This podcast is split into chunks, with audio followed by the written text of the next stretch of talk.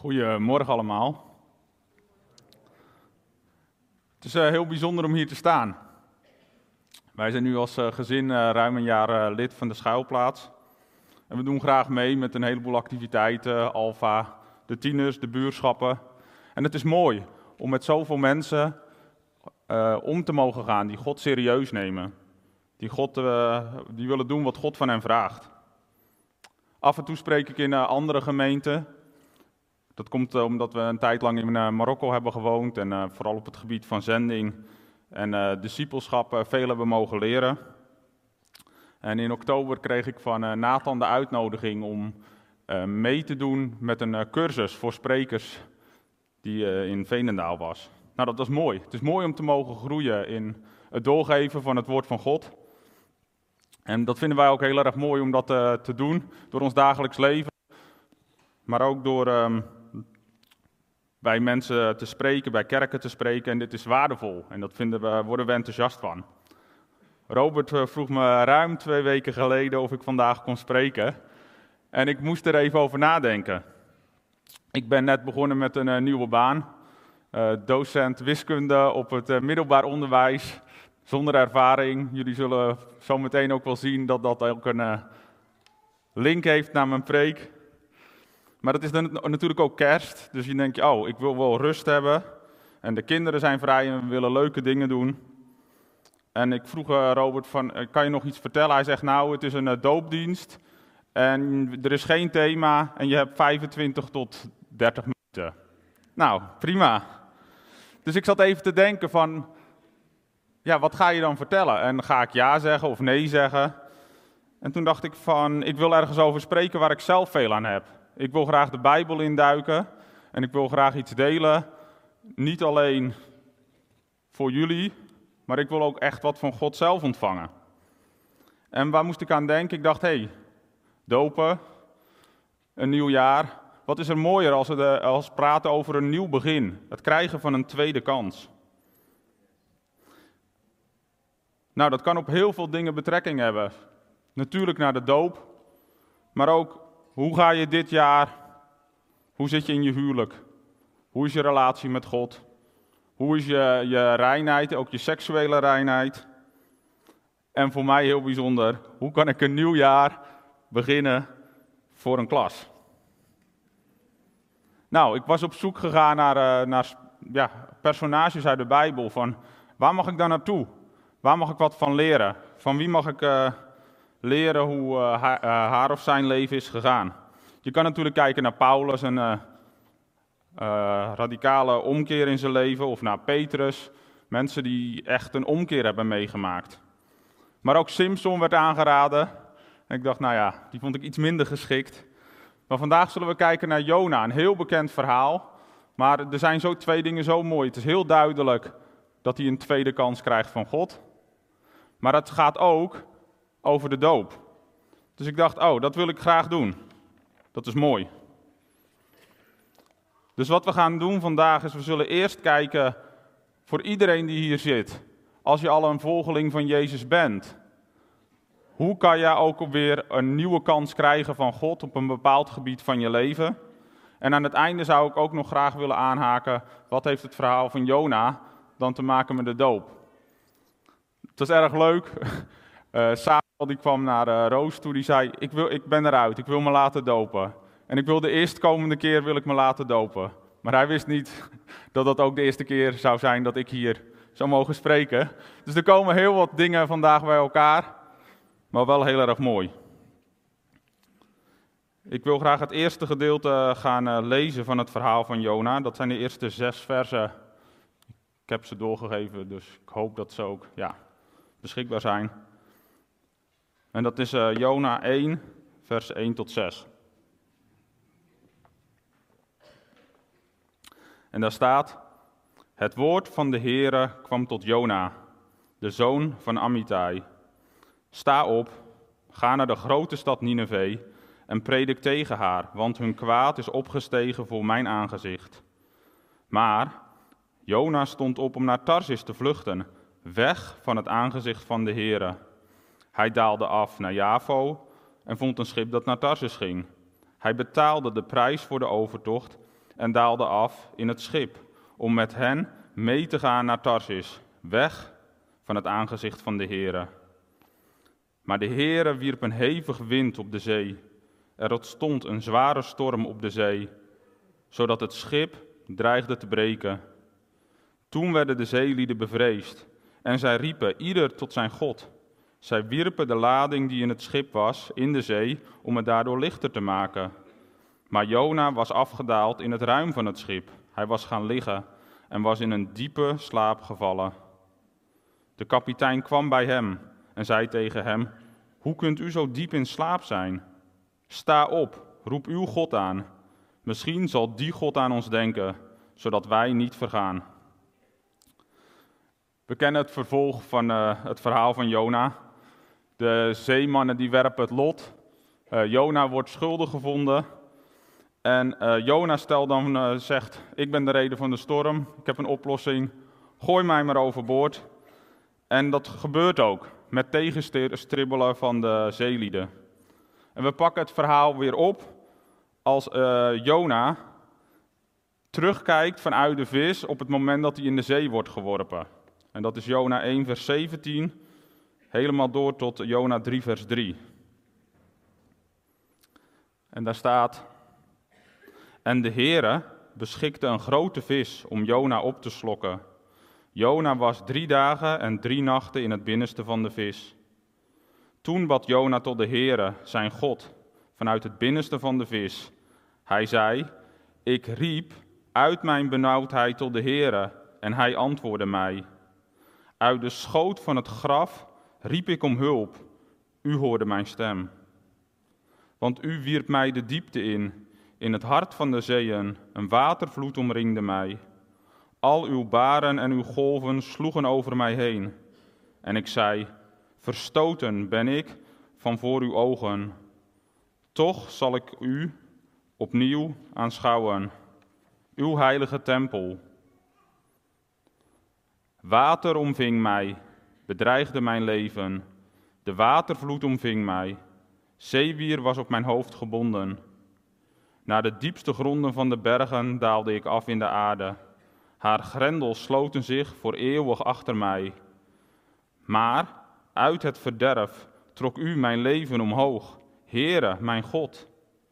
Toen mijn ziel in mij bezweek, dacht ik aan de Heere. Mijn gebed kwam tot u in uw heilige tempel. Wie nietige afgoden vereren, verlaten hem die hun goede tieren is. Maar ik, met dankzegging, zal ik u offers brengen. Wat ik beloofd heb, zal ik nakomen. Het heil is van de Heere. Toen sprak de Heere tot de vis, en hij spuwde Jona uit op het droge. Het woord van de Heer kwam voor de tweede keer tot Jona. Een tweede kans. Sta op, ga naar de grote stad Nineveh en predik tegen haar de prediking die ik tot u spreek. Toen stond Jona op en ging naar Nineveh, overeenkomstig het woord van de Heer. Tot zover het uh, verhaal van Jona uit de Bijbel. Dus straks gaan we kijken wat heeft dit nou te maken met de doop. Maar eerst zullen we kijken naar wat betekent dit? Hoe krijgen wij een tweede kans? Hoe krijgen wij een nieuw begin? Ik wil eerst een klein uh, beetje uh, een situatie schetsen van wie Jona is. Buiten het boek Jona staat er nog een heel klein stukje over Jona in 2 Koningen 14. En we weten dat Jona een uh, Jood is, hij is een profeet van God. En hij leefde tijdens de regering van Jerobiam II, dat is 770 voor Christus. Hij komt uit een plaatsje, Gadhever, helemaal in het noorden van Israël. En hij profeteerde dat in de tijd van Jerobiam II, wat een slechte koning was volgens de Bijbel, dat het gebied van Israël evengoed vergroot zou worden. En dat is ook gebeurd. We hebben zo net gelezen dat uh, Jona de zoon is van Amitai. En dat betekent, hij is de zoon van mijn trouw. En dat is een hele bijzonder mooie titel als we deze, dit verhaal zullen gaan lezen. We zullen ze namelijk zien dat God trouw blijft aan Jona. Nou, hoe, hoe begon het verhaal? Een hele duidelijke opdracht voor Jona. Ga naar Nineveh en predik tegen haar. is niet een ingewikkelde opdracht. Ik denk dat Jona geen uitleg hoefde over de, de woorden of de plek, of eerst moest gaan studeren om deze opdracht te kunnen gaan doen. Hij begreep de opdracht heus wel. Maar wat doet Jona? Hij vlucht. Hij zegt nee tegen God en hij vlucht weg van het aangezicht van de Heer. Dus van de plaats van intimiteit loopt hij weg. En het bizarre is dat hij niet alleen kiest voor de afstand tussen hem en God, maar dat hij ook gewoon bereid is om daarvoor te betalen. Hij betaalt dus om weg te lopen van God. Waar wil Jona dan naartoe? We lezen ook in Jona dat hij zegt: Ja, ik ben een Hebreeër en ik geloof in de God die de hemel en de zee en het droge heeft gemaakt. Als je dat gelooft, waar vlucht je dan naartoe? Welke kant wil je eigenlijk op? Hoe wil hij vluchten van die God? Wat is zijn plan? Nou ja, ik ga niet allemaal antwoorden geven op die vragen, maar ik, het zet je wel aan het denken. Wat hij doet is eigenlijk helemaal niet logisch voor zijn godsbeeld. Wat heel bijzonder is, we, in het eerste gedeelte lezen we hm, dat uh, Jona eerst afdaalt van uh, die plaats in het noorden van Israël naar Javo. Dat is een kustplaats, dus hij gaat naar beneden. Vervolgens gaat hij naar beneden, daalt hij af in het schip. En dan daalt hij af naar het ruim van het schip. En het woord afdalen in de Bijbel, en ook hier in het geval van Jona, staat vaak uh, gelijk aan doodgaan, aan afsterven. Dus wij zien, hij zegt nee tegen God. Hij daalt af, gaat dichter naar de dood toe. Maar het gaat van kwaad tot erger. Hij gaat in het schip en in het ruim van het schip. Ja, en dat is iets wat ik denk, uh, wat we ook wel zien in ons eigen leven vaak. Als je een keuze maakt voor het kwaad, dan zie je dat dat steeds meer, ja, dat het van kwaad tot erger gaat. We komen steeds dichter bij de dood. Het begint met een keuze tegen God en dan gaat het de verkeerde kant op. Steeds minder God, steeds minder leven en steeds meer afzondering en steeds meer dood.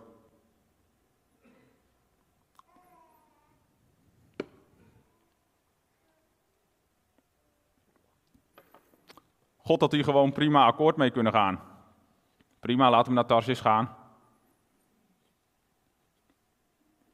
Maar dat is niet onze God. God grijpt in. In eerste instantie door een storm te sturen.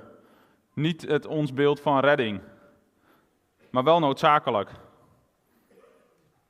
Want zelfs, hij stuurt een storm, maar zelfs die storm is niet goed genoeg om Jona God te doen laten zoeken. In die boot komt er een heide, een niet-Jood, naar hem toe die zegt van hé, hey, je moet gaan bidden. Maar we lezen helemaal niet dat Jona gaat bidden in de boot. De storm alleen schudt Jona niet genoeg wakker om hem weer aan het bidden te krijgen en God weer te zoeken. We weten hoe het verhaal verder gaat en Jona wordt in de zee geworpen en pas dan, pas dan zien we verandering. Er staat, ik riep het uit in mijn benauwdheid tot de Heere en hij antwoordde mij. Uit de schoot van het graf riep ik om hulp en u hoorde mijn stem. Dit is eigenlijk een heel bijzonder eh, moment in dit verhaal. Eindelijk beseft de zinkende Jona, die gewoon heeft bedacht, ja, ik ga dood, gaat hij God zoeken. Schreeuwt hij het uit om hulp. En op dit moment zit er een soort kantelpunt in het verhaal van Jona. Het wordt een verhaal van hoop. Het wordt een verhaal van de trouw van God. Het is de God van een nieuw begin. De God van tweede kansen. En juist op het dieptepunt van dit verhaal biedt het verhaal van Jona troost. En wordt een stijgende lijn, in het geval van Jona heel letterlijk, ingezet. Maar het is niet alleen een schreeuw om hulp. We zien in hetzelfde gebed zien we ook geloven en vertrouwen. Hij zegt in, uh, in zijn gebed: Verstoten ben ik van voor uw ogen. toch zal ik opnieuw aanschouwen uw heilige tempel. Dus de zinkende Jona, wetende dat hij eh, God nodig heeft en dat hij anders doodgaat, schreeuwt het uit om, uh, om hulp. En het is ook een gebed in vertrouwen. Want hij zegt, ik zal opnieuw aanschouwen uw heilige tempel. Ja, en wat lezen we dan? God grijpt in. Eigenlijk dwars door de dood heen grijpt hij in. En in dit verhaal door middel van een vis. We lezen in vers 6, maar uit het verderf trok u mijn leven omhoog, Heere mijn God. Ik vroeg me af, wat heeft Jona nou precies gedaan om zijn redding te verdienen? Wat heeft hij gedaan om zijn tweede kans te, te verdienen? Nou, eigenlijk niet heel veel. Hij ging tegen God in. God stuurt een storm. Maar één schreeuw om hulp in vertrouwen op zijn God. En God geeft hem een nieuwe kans. Aan het einde van Jona's gebed belooft Jona om zijn belofte na te komen. En het is heel erg leuk om te zien dat uh, het begin van hoofdstuk 1 eigenlijk bijna hetzelfde is als het begin van hoofdstuk 2. Uh, eh, hoofdstuk 3, sorry. Want dan lezen we, het woord van de Heere kwam voor de tweede keer tot Jona. Sta op, ga naar de grote stad Nineveh en predik tegen haar de prediking die ik tot u spreek. Toen stond Jona op en ging naar Nineveh, overeenkomstig het woord van de Heere. Jona wordt naar zijn nulpunt gebracht, zijn absolute nulpunt. Schreeuwt het uit om hulp, in vertrouwen op zijn God. En God brengt redding. Het mooie is dat hij nu gaat handelen overeenkomstig het woord van de Heer. Dus zijn ervaring, zijn doodservaring en zijn redding hebben er nu voor gezorgd dat hij andere keuzes maakt in het leven.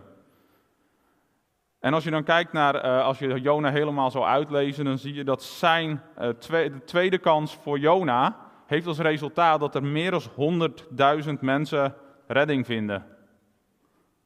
Dus Jona is eigenlijk best een hele geslaagde evangelist. Maar dat geeft ook voor mij heel veel weer. Dat een tweede kans die God mij, maar ook jullie wil geven, gaat leiden tot leven in je eigen leven, maar ook leven in het leven van anderen. Nou, wat betekent dit voor ons? We zouden eh, Jona, als eh, hij was een profeet, hij was in dienst van God, hij was een Jood, hij hoorde bij het volk van God. Ik zou het zomaar maar kunnen vergelijken met iemand die zichzelf christen noemt, die Jezus wil volgen. En dat eigenlijk ook al doet. Profetieën heeft gedaan, mooie dingen heeft gedaan voor God.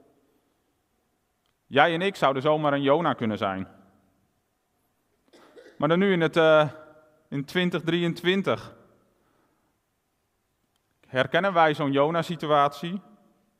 Heb, heb jij ook een situatie die vraagt om een nieuw begin? Heb je een keuze tegen God gemaakt? Vind je het lastig om God trouw te blijven in je huwelijk? Kun je niet de vader of moeder, opa of oma zijn zoals God dit van je vraagt? Ben je een kind van God, maar lukt dit eigenlijk niet op school of op je werk? Lukt het maar niet om seksueel rein te blijven? Lukt het maar niet om goede gedachten te hebben? En komen er heel veel woorden uit je mond waar je constant spijt van hebt? Of misschien omgekeerd, komen er geen woorden uit je mond om andere mensen te vertellen over wie jouw God is?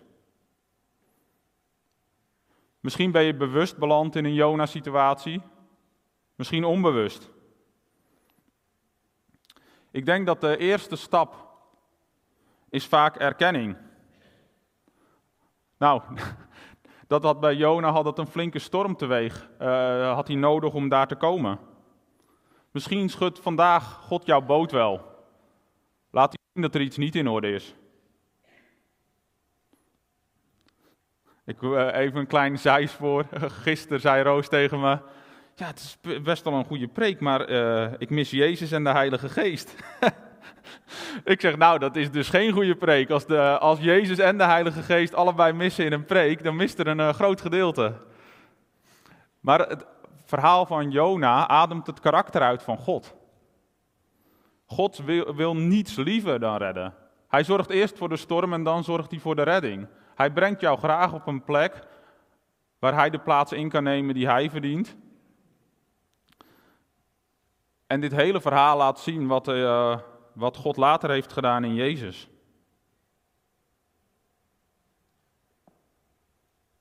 Maar misschien schudt God vandaag jouw boot en zie je in dat je eigenlijk op de vlucht bent. Misschien ben je afgedaald en is je leven in een speciaal gebied misschien dor of doods geworden. Ben je daar aangekomen?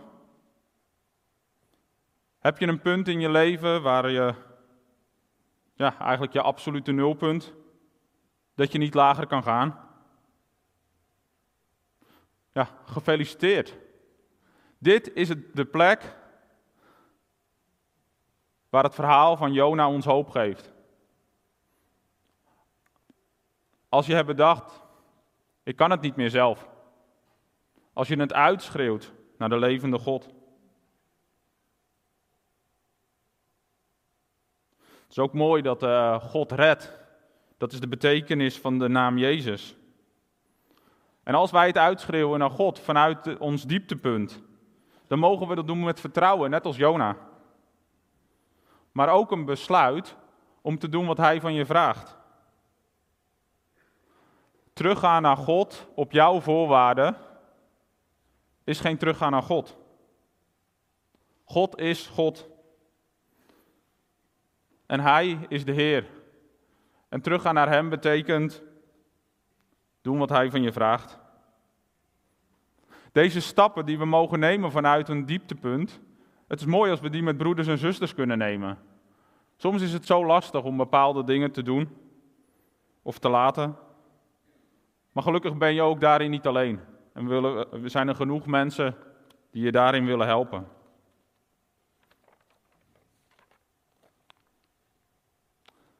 Je kan hier ook zitten en dan denk je, nou leuk en aardig. Je hebt een heel verhaal over Jona op, opgehangen. Iemand die ongehoorzaam is aan God. Ik ben helemaal niet van God afgedwaald. Maar ik wil wel graag een nieuw begin. Sommige zaken lukken gewoon niet, maar het is helemaal geen onwil. Ik ben niet van God weggevlucht. En ik herken me helemaal niet in Jona's vlucht naar Nineveh. Ook in dit geval hebben wij de hoop en het vertrouwen wat in het gebed van Jona zit nodig. Soms verliezen we zelf het uitzicht op een goede afloop en verliezen we onze hoop. Zelf heb ik gemerkt dat dit een lastige strijd kan zijn. Je vertrouwen stellen in een belofte van God, maar misschien een heel aantal keer gewoon in je dagelijks leven het tegenovergestelde resultaten zien.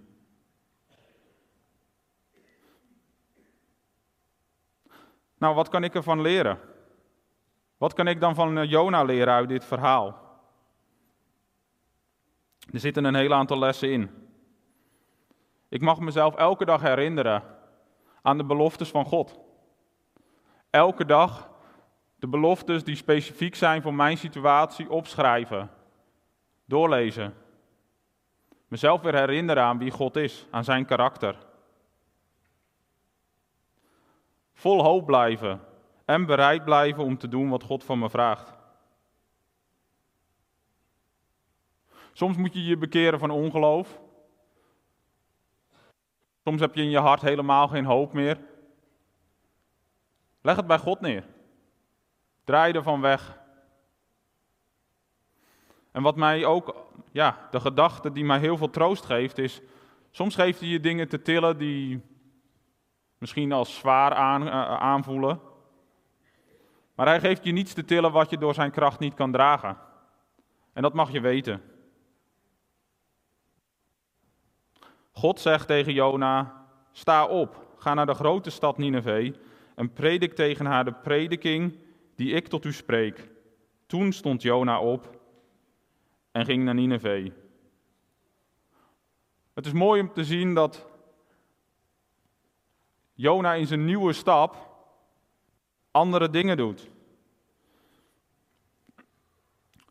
Maar wat lezen we in die opdracht? God vraagt een hele concrete, specifieke stap die heel simpel is. Sta op en ga naar een stad. Maar wat ik zo mooi vond, er staat ook: predik tegen haar de prediking die ik tot u spreek. Dit betekent dus, de eerste stap is soms duidelijk. Die kunnen we gewoon zetten met Gods kracht. Maar dit betekent niet dat je weer onafhankelijk dat leven mag leven. God zegt tegen Jona en predik tegen haar de prediking die ik tot u spreek. We zijn dagelijks van God afhankelijk. We zijn uh, van Hem afhankelijk, van de woorden die Hij spreekt, van de dingen die, ons doet in ons, uh, die Hij doet in ons leven. Dus we mogen simpele stappen zetten in gehoorzaamheid. Maar ook elke dag naar God blijven luisteren voor, specifieke op de, voor de specifieke opdracht. Dus blijf je redding van God verwachten. Blijf Hem om hulp roepen. Stel je vertrouwen op Hem, elke dag. Herinner jezelf elke dag aan Zijn beloftes voor jouw leven. Ga onderweg. Blijf dicht bij God. Stel jezelf afhankelijk van Hem. Luister naar Hem. En doe wat Hij zegt. Het verhaal van eh, Jona geeft ons heel veel hoop en vertrouwen voor 2023. Dat alle eh, voornemens die God over jouw leven heeft, waarheid mogen worden.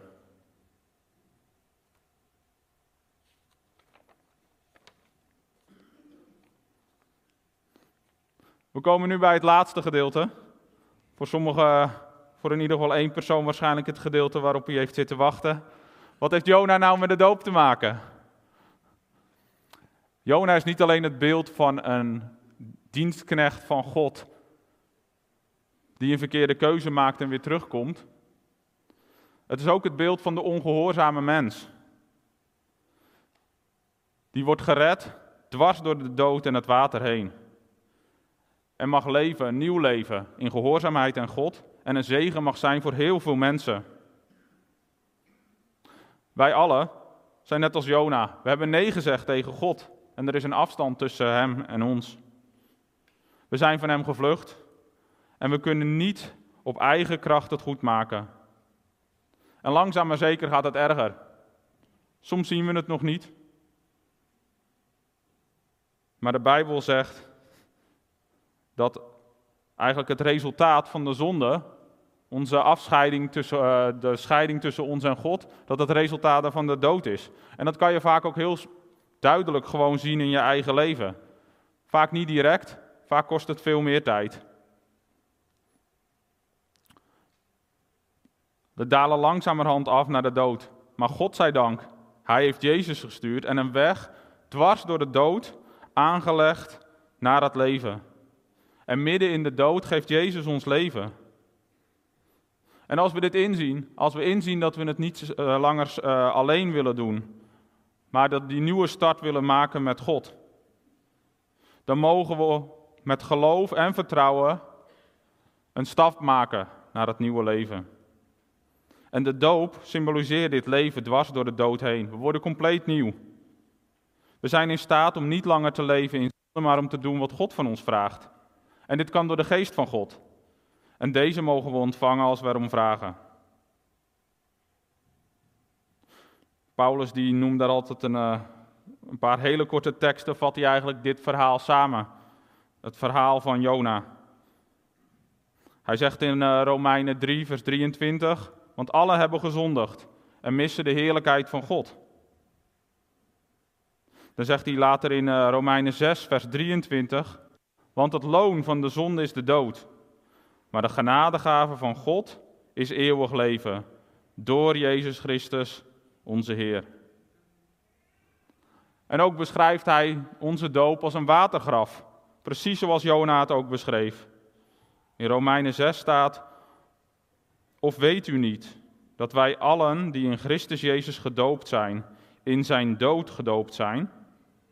Wij zijn dan met hem begraven door de, dood, door de doop in de dood, opdat evenals Christus uit de doden is opgewekt tot de heerlijkheid van de Vader, zo ook wij in een nieuw leven zouden wandelen. Vandaag mag Samuel, maar dat geldt ook voor u. als u ook nog niet gedoopt bent, je mag kiezen vandaag om te stoppen met leven voor jezelf. Je mag kiezen voor een leven met God, om te doen wat Hij van je vraagt. En als je deze hulproep doet in geloof en vertrouwen, dan mag je vandaag gedoopt worden, opnieuw geboren worden en een echt nieuw leven beginnen met God. En door Zijn kracht wordt dat compleet nieuw. Amen.